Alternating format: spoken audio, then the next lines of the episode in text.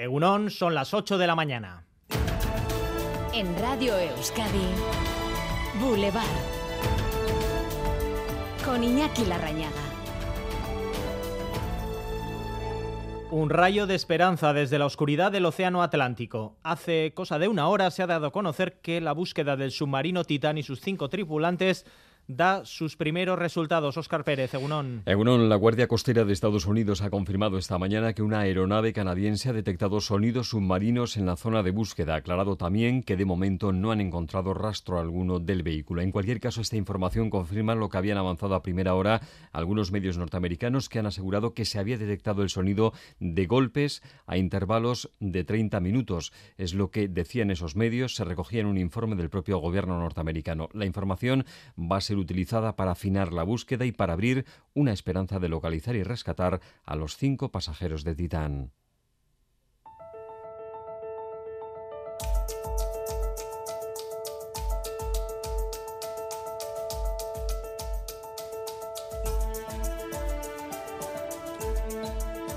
Y aunque parezca mentira, esta tarde comienza oficialmente el verano con previsión de chubascos y tormentas de cara a la tarde. De momento no pasamos del shirimiri porque en las últimas horas el cielo ha dado una tregua suficiente para ir avanzando en el balance de daños provocados principalmente por el granizo hace menos de 24 horas. Canalones rotos, lunas agrietadas, abolladuras en vehículos van a mantener ocupados empresas de reparaciones y talleres, por ejemplo, en el municipio guipuzcoano de Zumaya. Allí está Natalia Díaz Egunón. Enseguida conectamos con Natalia Díaz. Perjuicios no solo eh, materiales en cuanto a empresas donde ha habido inundaciones, caso del Goibar o vehículos, sino que también eh, perjuicios en el primer sector. Es el caso de la Ribera Navarra y también en la Purdi. Hiperaloga galdu dute eunez larogoi, hau biztan da ez dugu ez dugu likuan neurtu xuxen zenbatekoa izan eden galtzapena baina handia eta baratzeak eta barazki egileek ere dena Con daños irreparables debidos al granizo a la producción de los pimientos de Espeleta. Puede Además, que esta sea la tónica de los próximos meses. Los meteorólogos pronostican un verano más caliente y más lluvioso. De un verano con más lluvia, o pa- para, para decirlo mejor, con una probabilidad más alta de lo habitual de, de lluvia- lluvias más intensas de lo habitual. Con lo cual sí podría ser un verano, un verano particular. Y si a eso, además, le unimos que el mar está muy caliente, y si a eso le unimos que tenemos un, un niño bastante fuerte que, que- que suele hacer normalmente que la temperatura a nivel de todo el globo suba, pues las probabilidades que tenemos de tener un verano cálido son muy altas. Más calor y más lluvia, la tendencia para el verano que proyectan el director del Observatorio del Cambio Climático de la Unión Europea y José Antonio Aranda, responsable de Euskalmet. Enseguida vamos a ampliar la previsión para las próximas horas.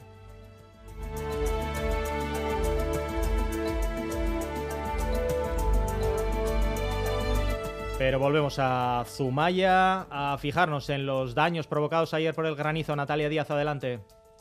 Sí, pues aquí en Zumaya sin duda se tardarán días, incluso semanas en poder reparar los cuantiosos daños que hizo la granizada. Prácticamente todos los vehículos que a las nueve y media de la mañana estaban ya en la calle están afectados por abolladuras o por impacto en sus lunas. Se tienen que recuperar muchos canalones, reparar de muchos edificios, algún lucero nos decían, de algún pabellón, limpiar ramas, reparar lonetas de barcos. La lista es sin duda interminable y hemos constatado desde las 6 de la mañana que ya se trabaja intensamente en ello.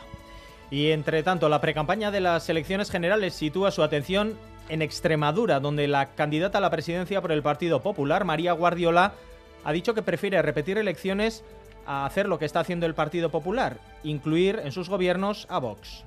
Yo no puedo dejar entrar en gobierno a aquellos que niegan la violencia machista, a quienes usan el trazo gordo, a quienes están deshumanizando a los inmigrantes y a quienes despliegan una lona y tiran a una papelera la bandera LGTBI. Ruptura PP Vox en Extremadura. Veremos qué efectos tiene en negociaciones abiertas en otras comunidades autónomas. En Euskadi, extraña situación ocurrida con el candidato de Sumar al Senado por Araba, Hitor Abecia. Se anunció por la mañana que él sería el cabeza de lista. Horas más tarde conocíamos que está imputado por un delito de violencia de género y que ayer mismo tuvo una vista en los juzgados de Vitoria por este asunto. Sumar ya ha forzado la renuncia de Abecia. Y en Vitoria-Gasteiz, PNV y PS ya han hecho público el reparto de carteras, cerrado el acuerdo de gobierno en la capital alavesa, fórmula de coalición, una fórmula diferente a la de Irún, donde el socialista José Antonio Santana ha anunciado que pretende gobernar en solitario. En minoría también va a tener que gobernar la protagonista de la entrevista política de esta mañana en Burlevar, a las 9 de la mañana, Cristina Ibarrola, la nueva alcaldesa de Pamplona.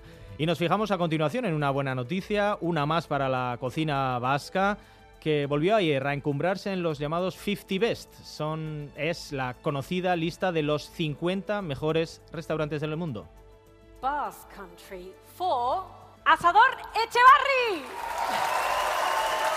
Quintessential Basque experience, Asador Echevarri is famously led by self-taught chef Vitor Arginzoni, whose adjustable grills can't stop turning out global favorites such as chorizo, chuleta steak, la parrilla del asador Echevarri de Bicho Rinzón y Cena Chondo, triunfando en los 50 Best, es el cuarto mejor restaurante de planeta. En esa lista también se ha incluido Al Elcano y Al Mugaritz.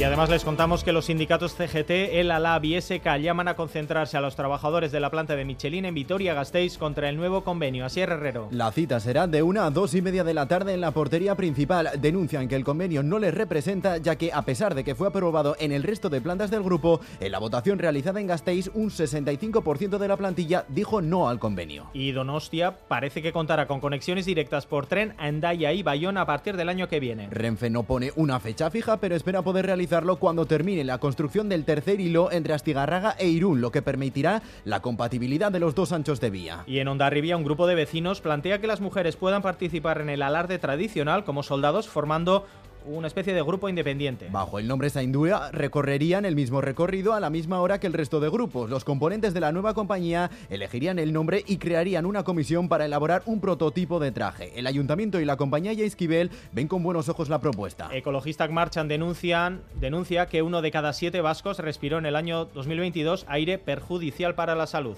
Denuncian que la calidad ha empeorado en los dos últimos años, que incumplirían los estándares de la Unión Europea para 2030, pero no habría sobrepasado los límites legales. La organización se lo atribuye a la recuperación de la movilidad motorizada y de la actividad económica tras la pandemia. Las cámaras de comercio del Arco Atlántico van a firmar hoy una declaración para reforzar mecanismos de cooperación. La cita será a las doce y media del mediodía en la Cámara de Comercio de Bilbao. Los miembros pretenden contribuir a trabajar de forma conjunta en los retos económicos, sociales y medioambientales a los que se enfrentan. Y en el capítulo deportivo, César Pérez Gazola, Cegunón. y aquí. Bueno, hoy toca mirar a donde no nos gusta mirar en, el capítulo deportivo, que es a los despachos. Hoy Osasuna pendiente de la decisión de la UEFA. Sí, y es que el Club Navarro va a conocer este miércoles eh, si finalmente el organismo europeo le abre o no un expediente disciplinario. Atentos, por tanto, hoy, Iñaki, en Osasuna, en Pamplona, Nión, la sede de la UEFA, una decisión contraria podría dejar fuera de Europa, fuera de la conference, al equipo que dirige Yago Barrasate. Boulevard. El tiempo. Egusquiño y Turriot, Euskalmet, Egunon. Egunon, durante la mañana la situación será bastante tranquila, aunque puede lloviznar un poco, sobre todo en puntos de la vertiente cantábrica. Sin embargo, seguimos con tiempo inestable y hoy por la tarde esperamos otra vez chubascos de carácter tormentoso. Pueden volver a ser localmente intensos y pueden ir acompañados de granizo y rachas muy fuertes de viento. La probabilidad de que se produzcan los chubascos tormentosos más intensos es mayor en el este, en Navarra, en Guipúzcoa y en el este de Álava, pero pueden afectar a cualquier punto del territorio. Predominará el viento de componente norte y las temperaturas diurnas descenderán un poco más, con máximas entre los 22 y los 25 grados. Por tanto, hoy seguimos con inestabilidad. Por tanto, a partir del mediodía se pueden dar otra vez chubascos de carácter tormentoso. Atención, por lo tanto, al cielo. Hoy también parece que con el paraguas no va a ser suficiente en algunos eh, lugares. En cuanto, en cuanto a la temperatura, más bien templada, 19 grados en Bayona, Ondarribia y Donostia, en Vera, Sopela, Bilbao y Laudio 18 grados y las mínimas se marcan en Vitoria-Gasteiz y en Pamplona 16 grados de temperatura. 8 y 9 de la mañana. Egunon, gaur berritzun 18 grado. Ondo izan, agur. Buenos días, desde Baracaldo 18 grados y nublado. Feliz miércoles. Agur. Aupa, Egunon, sexto 18 grados. Venga, agur. Egunon, Guernica Lumón, Amasorche gradu. Ondo izan. Caixo Egunon, en los arcos 17 grados y nublado. Aupa, agur. Egunon, gaur irunen, emezortze gradu. Egunon izan. Egunon, elgea amasei gradu. Agur, ondo pasa. Egunon, zarautzen gaur emeretzi gradu. Ondo izan, aio.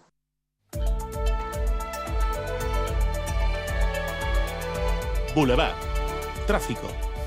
Y atención si están circulando por las carreteras porque tenemos ya numerosas incidencias. Maider Martín, Egunón. Sí, Egunón, moderen la velocidad como tónica general porque con la lluvia la conducción se complica. El Departamento de Seguridad del Gobierno Vasco nos da cuenta de varios accidentes, cinco hasta ahora. El primero en la AP8 en Guetaria, sentido Bilbao. Aquí se ha producido la salida de calzada de un turismo y hay tráfico lento al paso por este punto. También muchas retenciones muy fuertes en la AP8 en Deva, sentido Donostia, dentro del túnel de Isciña ha tenido lugar un accidente entre un camión y un vehículo y un turismo. Importantes retenciones, como les digo, en este punto de más de tres kilómetros.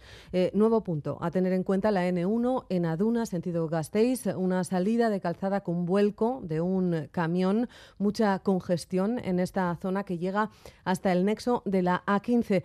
Y cambiamos de territorio en Vizcaya, en la carretera de la avanzada, Vizcaya 637, a la altura de la rotonda de Romo, sentido Gasteiz, han colisionado dos vehículos, un accidente que se ha saldado con heridos y fuertes retenciones, además de la densidad habitual. Y último punto a tener en cuenta en la variante de Donostia, la Guipúzcoa 20, sentido Aritzeta, precaución porque dos vehículos han colisionado por alcance en el carril central. Todavía están en ese carril central, así que extremen la precaución como norma general. Es que ricasco, Maider. Atención y paciencia, por lo tanto, en las carreteras. Si nos pueden eh, trasladar la situación, actualizar la información, ya lo saben, el WhatsApp de Radio Euskadi 688-840-840. En la dirección técnica, Yayo Mejón y Arancha Prado, comenzamos.